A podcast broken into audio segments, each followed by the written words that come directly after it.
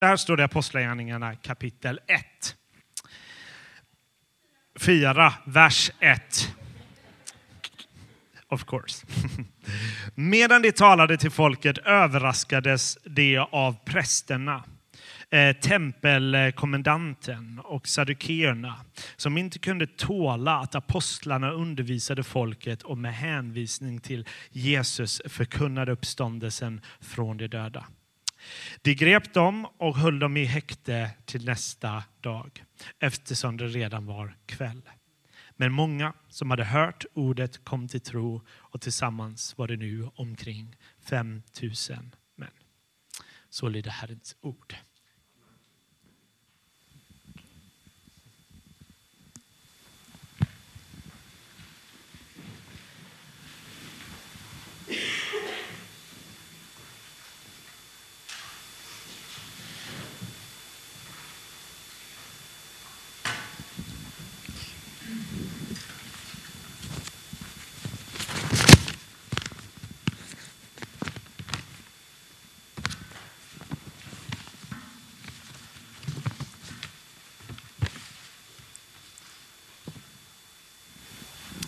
Hej. Ja, jag heter Alexander. Jag har varit i Centro sedan 2019. Det var det året jag blev eh, frälst. Och jag har varit i, ja, här sedan dess. Det är den enda församlingen jag har varit eh, med i. Eh, jag hade en gudstro innan det som jag inte lät påverka mitt liv särskilt mycket. Utan det var mest, ja, jag tror på Gud, men ja, det var inte mycket mer med det. Eh, det var först eh, när jag tog emot Jesus som min resa i tron började på allvar. Och det händer så mycket i en människa som eh, blir frälst. Det är liksom glädje, det är frid och det är hopp och det är mening med livet. Massa saker händer inuti och det går utåt. Så det är inte undra på att apostlarna inte kunde låta bli att göra det de gjorde.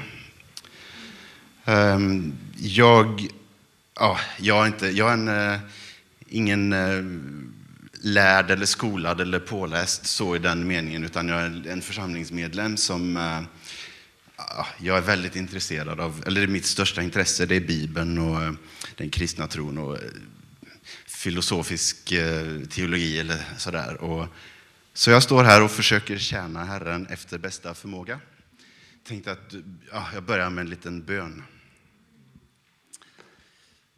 Eh, vi tackar dig Herre för den här söndagen, att vi får eh, vara tillsammans för att eh, tillbe dig, att hylla dig och ära dig. Jag vill tacka dig för att du ser potentialen i varenda människa, Herre. Att du ser potentialen och möjligheterna i varenda människa i det här rummet, Herre ute på gatorna i Göteborg. Du ser det hos de utslagna människorna, Herre. Och jag vill be att, att eh, du ska göra ditt verk, ditt mäktiga verk i, i alla dessa människor. Be att du, helige Ande, ska komma och förbereda och eh, låta Guds vilja ske i alla människors liv, Herre.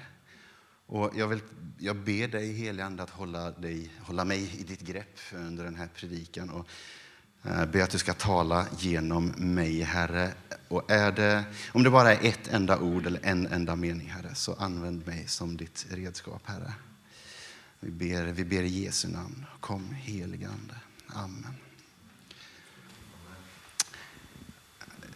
Jag blev tillfrågad att göra den här predikan och eh, den skulle ha rubriken Hotet utifrån.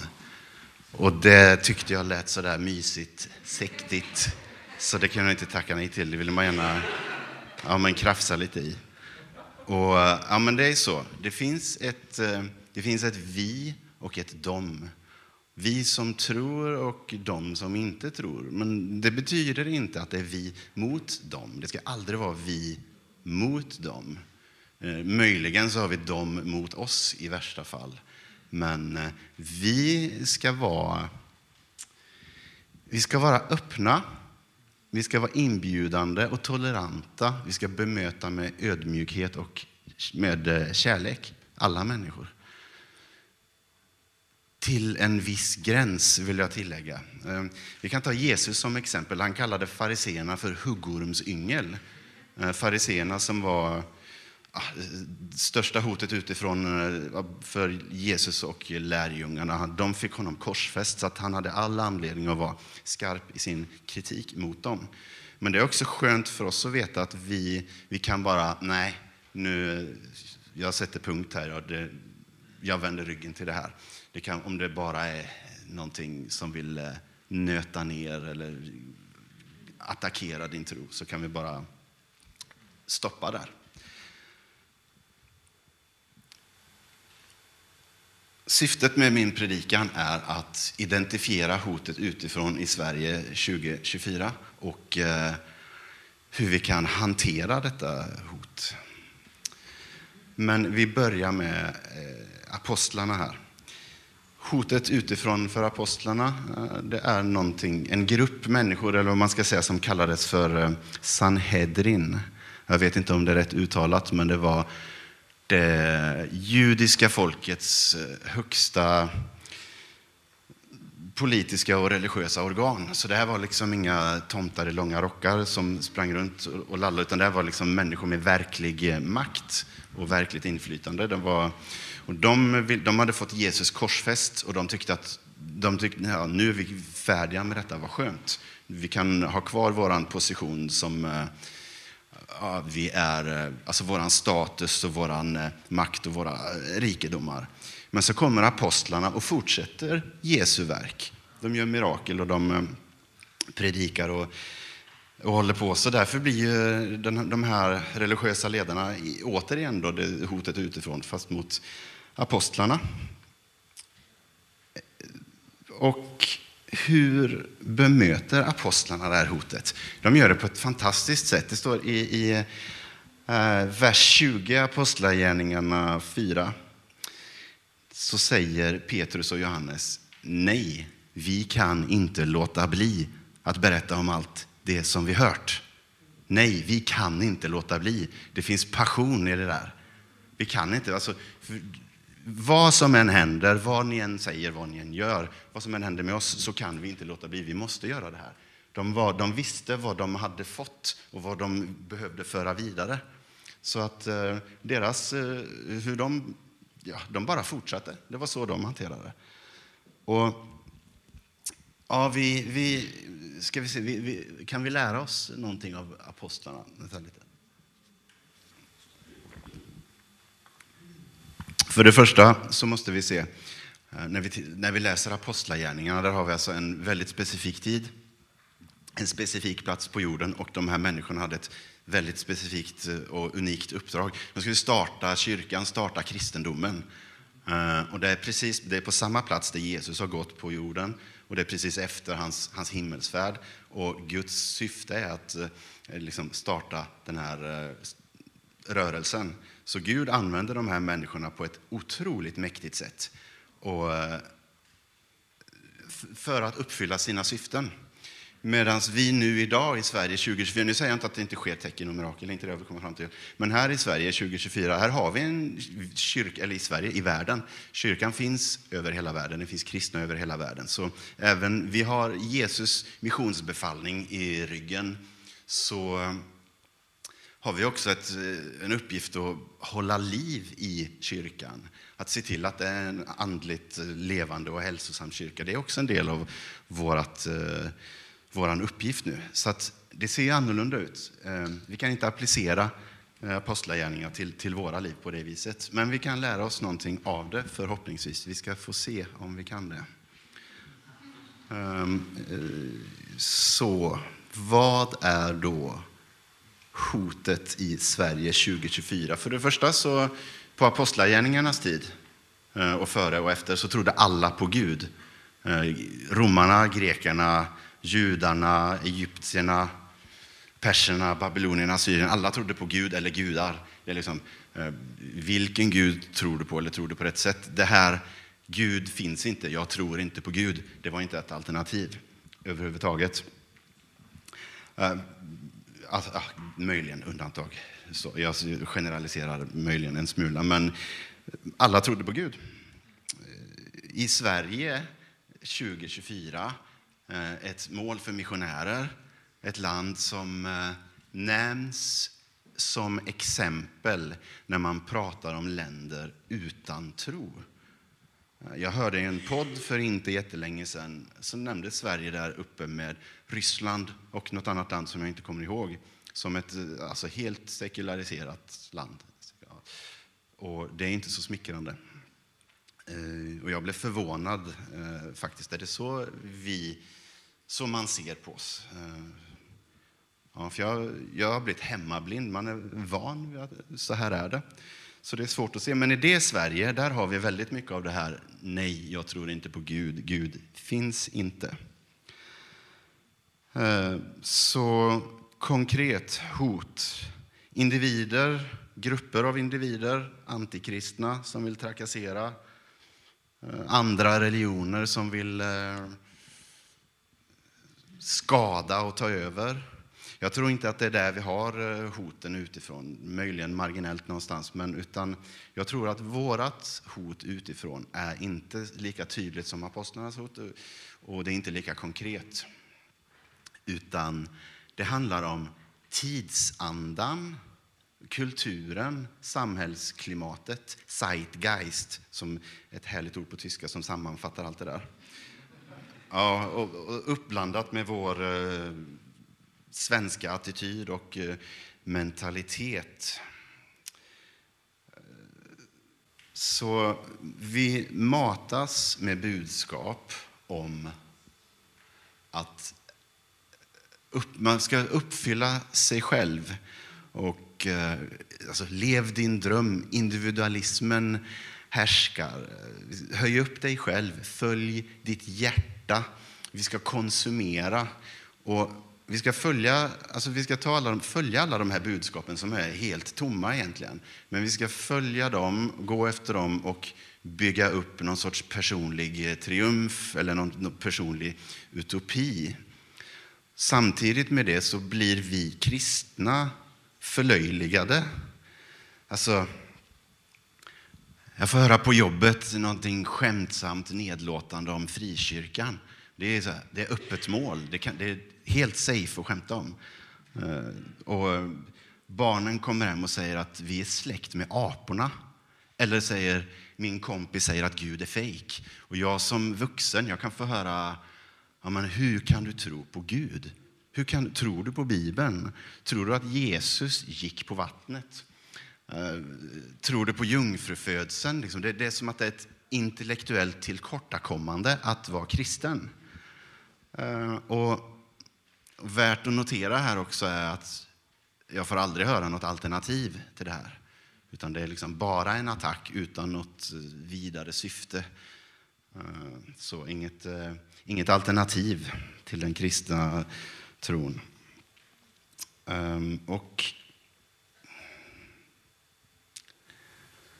det är inte lätt att stå emot här.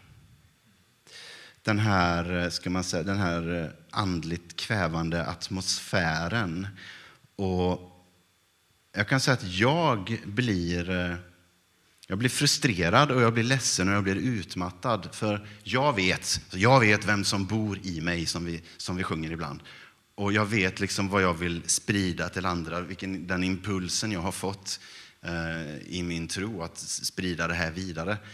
Eh, och det är inte för att plocka poäng hos Gud, det är inte för att jag själv ska liksom, titta, följ min grej, för jag har rätt. Utan det är bara, det, jag vill dela med mig av glädje och de goda nyheterna om Jesus Kristus. Och så är ingen intresserad, eller liksom kanske till och med fientligt inställd.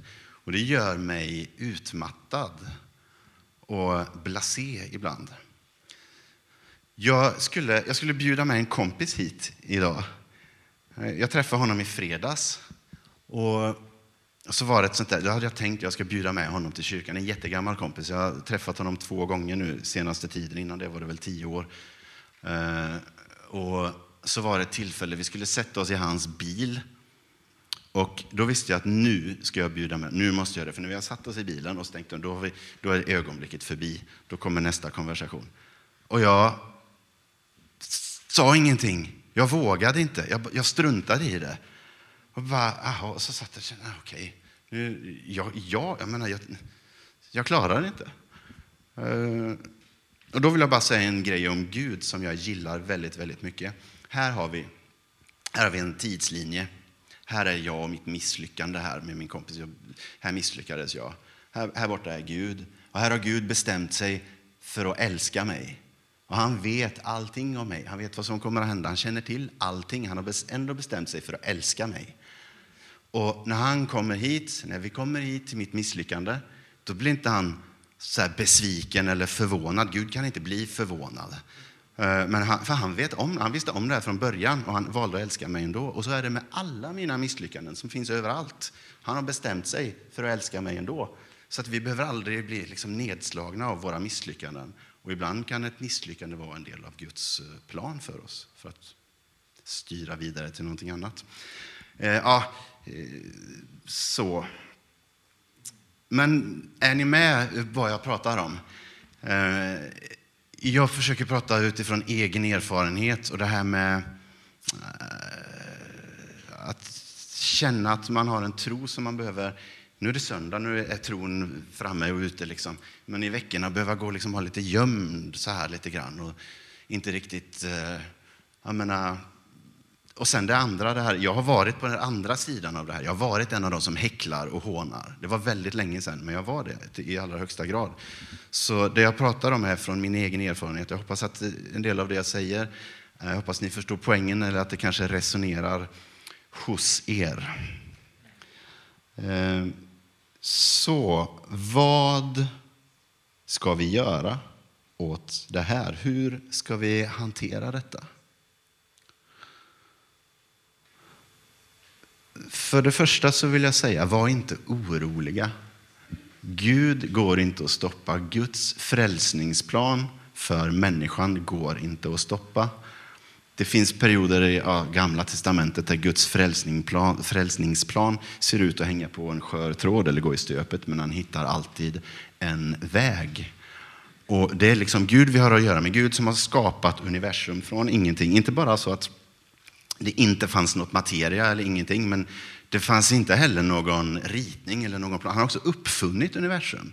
För när ingenting fanns, liksom, Eh, det fanns inte så här, aha, om man startar ett universum så blir det så här och så blir det människor som ser ut så här. Nej, utan han uppfann precis allting, hur vi ska se ut. Och, och det är den guden vi har att göra med. Och det är också en gud som genom ett ögonblick kan annihilera. Han kan blinka så finns inte universum längre, men han finns kvar. Det är den guden vi har att göra med. Och han går inte att stoppa. Så vi behöver inte vara oroliga.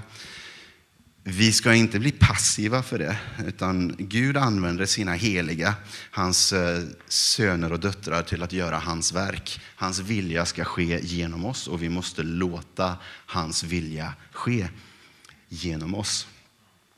Men var inte oroliga. Var medvetna.